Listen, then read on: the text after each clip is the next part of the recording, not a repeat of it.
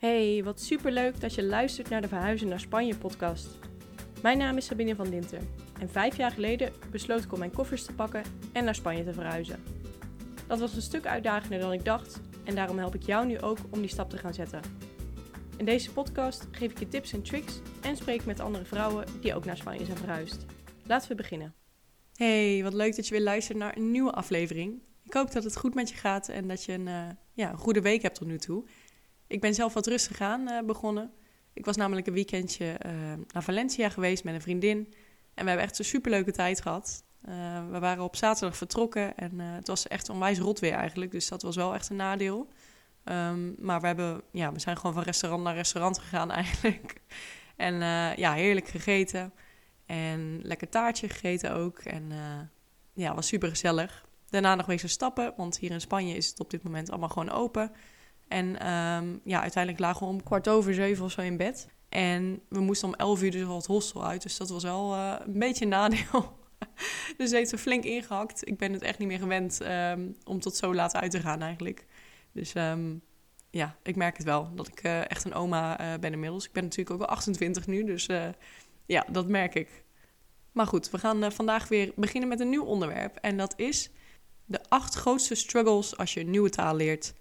Um, ik weet niet of je inmiddels al Spaans aan het leren bent, of dat je het misschien al spreekt, of dat je een andere taal spreekt um, die je vanaf, ja, vanaf nul hebt moeten leren, zeg maar. Maar je weet ongetwijfeld um, ja, hoe dat voelt en waar je tegenaan loopt. Dus dat wilde ik vandaag uh, met je gaan bespreken. nou, het leren van een nieuwe taal is niet makkelijk. dus ik denk dat je ja, bepaalde dingen echt zeker zal herkennen.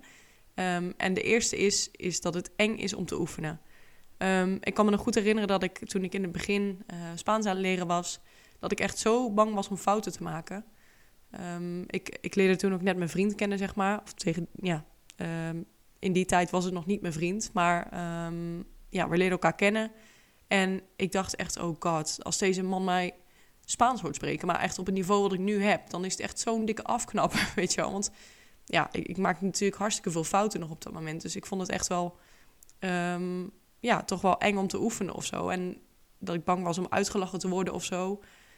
Um, ook als je bijvoorbeeld in een restaurant of in een winkel tegen iemand praat, dat je denkt van, oh god, ja, um, wat als ik dit gesprek niet uh, gaande kan houden? Of uh, wat als ik een hele domme fout maak? Want, of tenminste, ja, ik wil even zeggen, fouten zijn sowieso nooit dom natuurlijk. Want ik vind het al hartstikke goed als mensen überhaupt een taal leren. Dus alle fouten die je maakt of zo, vind ik het ook echt heel irritant als mensen daarom lachen. Want dan denk ik echt, ja, hallo, uh, jij spreekt bijvoorbeeld één taal en ik ben met mijn derde taal bezig. Dus um, ja, wie zou er wie uh, uit moeten lachen, zeg maar, als er überhaupt iemand uitgelachen moet worden. Dus ja, dat vind ik wel een beetje irritant. Maar um, ja, nee, in het Spaans zijn er nogal wat woorden waar je, um, als je één letter verandert, dat zeg maar de hele betekenis van het woord verandert. En dat kan ook echt op een hele foute manier dan opeens, ja, er kan een hele foute twist aankomen. Laat ik het zo zeggen. Dus um, daar was ik in het begin, dacht ik echt, oh shit, moet je mee opletten. Maar um, ja, het, het is gewoon eng om te oefenen. Want het is namelijk hartstikke makkelijk om lekker je woordjes op Duolingo te doen en uh, wat grammatica-oefeningen in te vullen of zo. Maar als je het vervolgens in de praktijk moet gaan brengen met um, natives, dus mensen die, ja, waarvan het een moedertaal is, is het gewoon um, ja, een stuk uitdagender natuurlijk. Je bent veel meer buiten je comfortzone dan wanneer je gewoon um, ja, op je uh, telefoon of zo wat woordjes oefent. Maar goed, dit is echt iets waar je ja, niet omheen kan eigenlijk. Als jij fluent een taal wil leren, dan zul je echt moeten oefenen, hoe eng het ook is. Nou, de tweede struggle is de grammatica. Waar de vak komt sommige grammatica vandaan? Echt. Um, in het Spaans is een goed voorbeeld ervan uh, de subjuntivo. Nou, dat is een, een vorm die wij in het Nederlands niet kennen. Um, een voorbeeld is um, espero que tengas un buen día. En dat betekent dus ik hoop dat je een goede dag hebt. Maar als je dat in het begin zou vertalen, dan zou je eerder um, intuïtief zou je zeggen espero que tienes un buen día. Want dat is gewoon ja, de letterlijke vertaling vanuit het Nederlands, zeg maar. Als je het werkwoord uh, tener, wat hebben is, vervoegt... en dan in de jij-vorm, dan kom je uit op tienes. Maar dat is dus met sommige uitdrukkingen zo in het Spaans dat je dan uh, de subjuntivo moet gebruiken. En in dit geval wordt het dan dus tengas. Nou, echt dat soort dingen. Um, tuurlijk, er zijn regels voor, maar het is gewoon heel lastig om te leren als jij ehm, dat niet kent vanuit je eigen taal. We hebben in het Nederlands hebben we veel minder werkwoordsvormen ehm, dan in het Spaans. Er zijn echt in het Spaans iets van 13 of zo, 13 of 14, of misschien zelfs nog wel meer. Ehm, terwijl we in het Nederlands hebben ja, het veel meer basic. Dus ja, en een voorbeeld van een andere werkwoordsvorm die lastig is voor Nederlands om te leren, tenminste wat ik van anderen ook hoor, en wat ik zelf ook heb meegemaakt trouwens, is het verschil tussen de uh, indefinido en de preterito perfecto. En dat is dus de verleden tijd, alleen welke vorm je moet gebruiken um, hangt af van uh, bijvoorbeeld of het vandaag was, of dat het langer geleden is, of dat je iets omschrijft, weet je. Dus er zijn echt heel veel regels die je moet leren om die werkwoordsvorm goed te kunnen gebruiken. En dan heb je ook nog eens de onregelmatigheden, dus echt... De grammatica was wel echt iets wat ik best wel een uitdaging vond in het uh, Spaans. Uh, maar dat, ja, dat geldt natuurlijk in het Nederlands ook zo. Want um, ja, mijn vriend die is nu um, wat Nederlands aan het leren. En die zegt ook af en toe van ja, de of het maakt hier fouten mee natuurlijk. Want dat zijn dingen die je gewoon uit je hoofd moet leren. Er zijn geen regels voor in het Nederlands. Dus ik denk dat het dat in iedere taal wel voorkomt eigenlijk. Nou, struggle nummer drie is dat je andere talen vergeet als je ze niet oefent. Nou, toen ik begon met Spaans, ehm, om even wat achtergrondinformatie te geven. Ik heb um, tijdens mijn middelbare schooltijd moesten we kiezen tussen Duits en Frans. Volgens mij is dat op iedere middelbare school in Nederland zo. nadat je eerst een jaar allebei hebt gehad, of twee jaar zelfs. Nou, ik heb Duits meteen laten vallen, want dat vind ik echt een verschrikkelijke taal. en ik koos dus voor Frans, waar ik echt best wel goed in was, uh, al zeg ik het zelf. En ja, ik heb dat dus ook echt zes jaar gehad. Maar toen ik begon met Spaans leren, nou, toen ging Frans echt meteen de deur uit. Um, ik weet niet hoe het komt, want ja, je zou toch zeggen dat, dat het wel een beetje blijft hangen. Maar ik, ik kon het gewoon op een gegeven moment echt niet meer uit elkaar halen. En toen dacht ik van, oké, Frans uh, gaat nu even de, ja, dus uh, mijn hoofd uit of zo. En ik ga me nu volledig focussen op Spaans. En um, ik merk nu, nu dat ik Spaans vloeiend spreek, dat het wel weer makkelijker wordt om Frans weer op te pakken. maar in het begin was het echt onmogelijk. En dat is heel irritant. Um, als je gewoon een taal volledig vergeet. Maar soms ja, is het gewoon even nodig of zo om, om die even op de achtergrond te zetten om een nieuwe taal te leren. En ik denk nu wel, um, doordat ik bijvoorbeeld Spaans heb geleerd, dat ik veel makkelijker andere talen ook kan leren. Um, zoals bijvoorbeeld Italiaans of Portugees. Ik heb een tijdje Portugees op Duolingo gedaan. Um, tot ik erachter kwam hoe lelijk Portugees uit Portugal klinkt. ja, in mijn mening dan, of naar mijn mening. Ik vind Braziliaans vind ik hartstikke mooi klinken, maar Portugees ja, was echt een afknapper toen ik dat hoorde. Dus toen dacht ik ook van ja, nou heb ik ook geen zin meer om te leren eigenlijk. Dus ja, maar goed, het maakt het dus wel makkelijker als je eenmaal wat meer talen weet. Maar als je echt een hele nieuwe taal moet gaan leren in die groep, dan is het makkelijker om andere talen te vergeten. ja, naar mijn ervaring in ieder geval. Nou, struggle nummer vier is dat je 80.000 fouten gaat maken. Ik maak nog steeds op dagelijkse basis fouten. Ik, heb, ja, ik, ik, spreek het wel vloeiend, maar goed, er zullen altijd dingen zijn die nieuw zijn. Vooral als je in een nieuwe omgeving komt. bijvoorbeeld toen ik begon bij een vruchtbaarheidskliniek. Ik heb daar een tijdje gewerkt, hier in Alicante. En nou, die hele vocabulaire die daarbij komt kijken, ja, ik had echt geen idee. En nu zijn er nog steeds dingen, net zoals de politiek of zo, of weet ik veel, technische woorden, die ik ja, ik heb echt geen idee hoe die überhaupt uh, heten of, of wat dan ook. Dus ja, je zult altijd fouten blijven maken, maar daar leer je ook van natuurlijk. Maar het is wel ontzettend vermoeiend als je steeds dezelfde fouten maakt en als je daarop um, gecorrigeerd wordt ook. Ik vind het wel fijn als ik gecorrigeerd word, want anders dan ja, weet ik niet wat een fout is, zeg maar. Um, soms heb je het zelf door natuurlijk, maar andere keren um, heb je het niet door totdat iemand je erop wijst. Dus het is fijn als iemand je corrigeert daarop, maar het is wel super vermoeiend. Want het geeft echt een deuk aan je zelfvertrouwen eigenlijk. Um, als jij zo je best doet om iets te leren en je maakt gewoon constant diezelfde fouten of weer nieuwe fouten. Um, ja, dat is echt heel vermoeiend eigenlijk. En over vermoeiend gesproken, struggle nummer vijf is dat het echt fysiek vermoeiend is om een nieuwe taal te leren. Nou, ik weet niet hoe het met jou zit, maar ik heb sowieso een sociale batterij die uh, af en toe gewoon leeg gaat als ik te lang met een, groep mensen ben, uh, ben, bijvoorbeeld, dan heb ik echt zin om weer naar huis te gaan.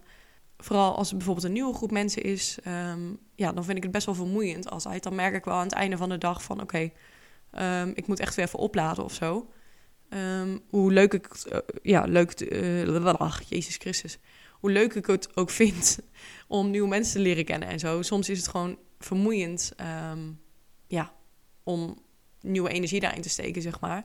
En nou, dat is nog tien keer erger als je ehm, dat moet doen in een nieuwe taal. Want je bent constant bezig met het proberen te verstaan van mensen.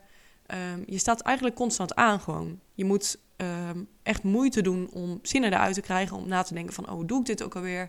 Hoe ziet de grammatica in deze zin? hoe was dat woord ook alweer? Dus het is gewoon echt fysiek heel vermoeiend. En ik kan me nog goed herinneren in het begin, toen ik dus ja, mijn vriend uh, had, dat we bijvoorbeeld uh, gingen barbecuen met zijn vrienden.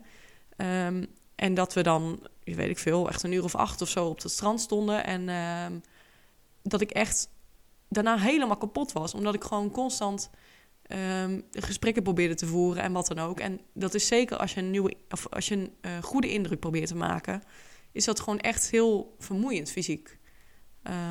dus ja, dat is ook een grote struggle. Nou, nummer zes is dat het verschilt per land hoe bepaalde woorden worden uitgesproken of überhaupt de vocabulaire. Nou, dat was een um, ja, voorbeeld van Duolingo ook. Uh, als je Duolingo leert Spaans, dan zul je ongetwijfeld het woord carro tegenkomen. Nou, in het Spaans gebruiken ze dat, of tenminste hier in Spanje gebruiken ze dat bijna nooit eigenlijk. en is het ja, normaal om coche te zeggen. Dat is dus auto. En als je het bijvoorbeeld op Duolingo leert, dan zul je dus woorden tegenkomen die uh, gebaseerd zijn op het Latijns-Amerikaans. Omdat daar gewoon meer sprekers zijn natuurlijk. Um, maar wat het wel lastig maakt om dus die woorden toe te passen hier. Want dan denk je van, oh, ik heb een nieuw woord geleerd. En dan zeg je het en dan zeggen ze, nee, dat, is, dat zeggen we hier niet. Dus dat is ook heel irritant.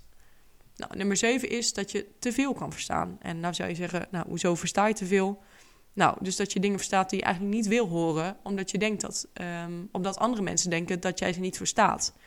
Dus ik heb dat al best wel vaak gehad, dat ik, um, ja, dat iets over mij gezegd werd of zo, of over een groep uh, vriendinnen, um, dat, omdat ze dachten, zeg maar, omdat wij er allemaal toeristisch uitzien, gewoon denken van, uh, nou, die spreken toch geen Spaans, dus kunnen we wel even wat zeggen. Nou, echt die blik op hun gezichten, als je dan zegt van, uh, hallo, ik spreek beter Spaans dan jij, zeg maar. Nou, echt, Um, dat is echt onbetaalbaar. maar het is soms wel irritant als je dingen hoort um, ja, die je niet wil horen natuurlijk. Als, als mensen een negatief commentaar maken of zo. Um, en soms zeg ik er dan ook niks van hoor. Want dan heb ik zoiets van laat maar gewoon gaan. ja, dat is gewoon irritant ook. nou, nummer acht is dat je je eigen taal af en toe niet eens meer weet. Nou, zoals je het hoort in mijn podcast struikel ik regelmatig over mijn woorden. Verzin ik soms zelf Nederlandse woorden.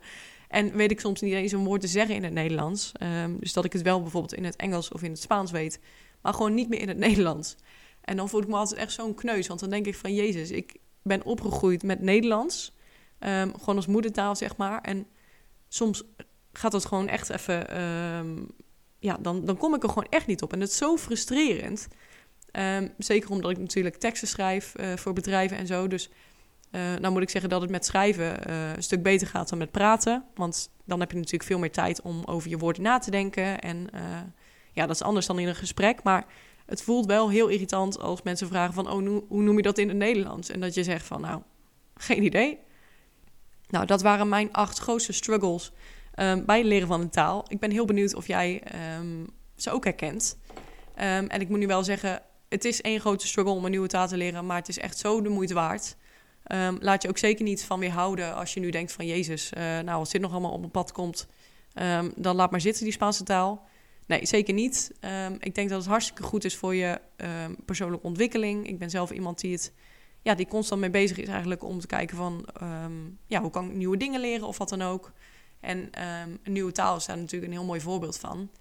En ik denk ook dat een nieuwe taal je helpt ja, bij het leren kennen van personen die je anders niet had leren kennen, bijvoorbeeld. En dat is gewoon heel mooi.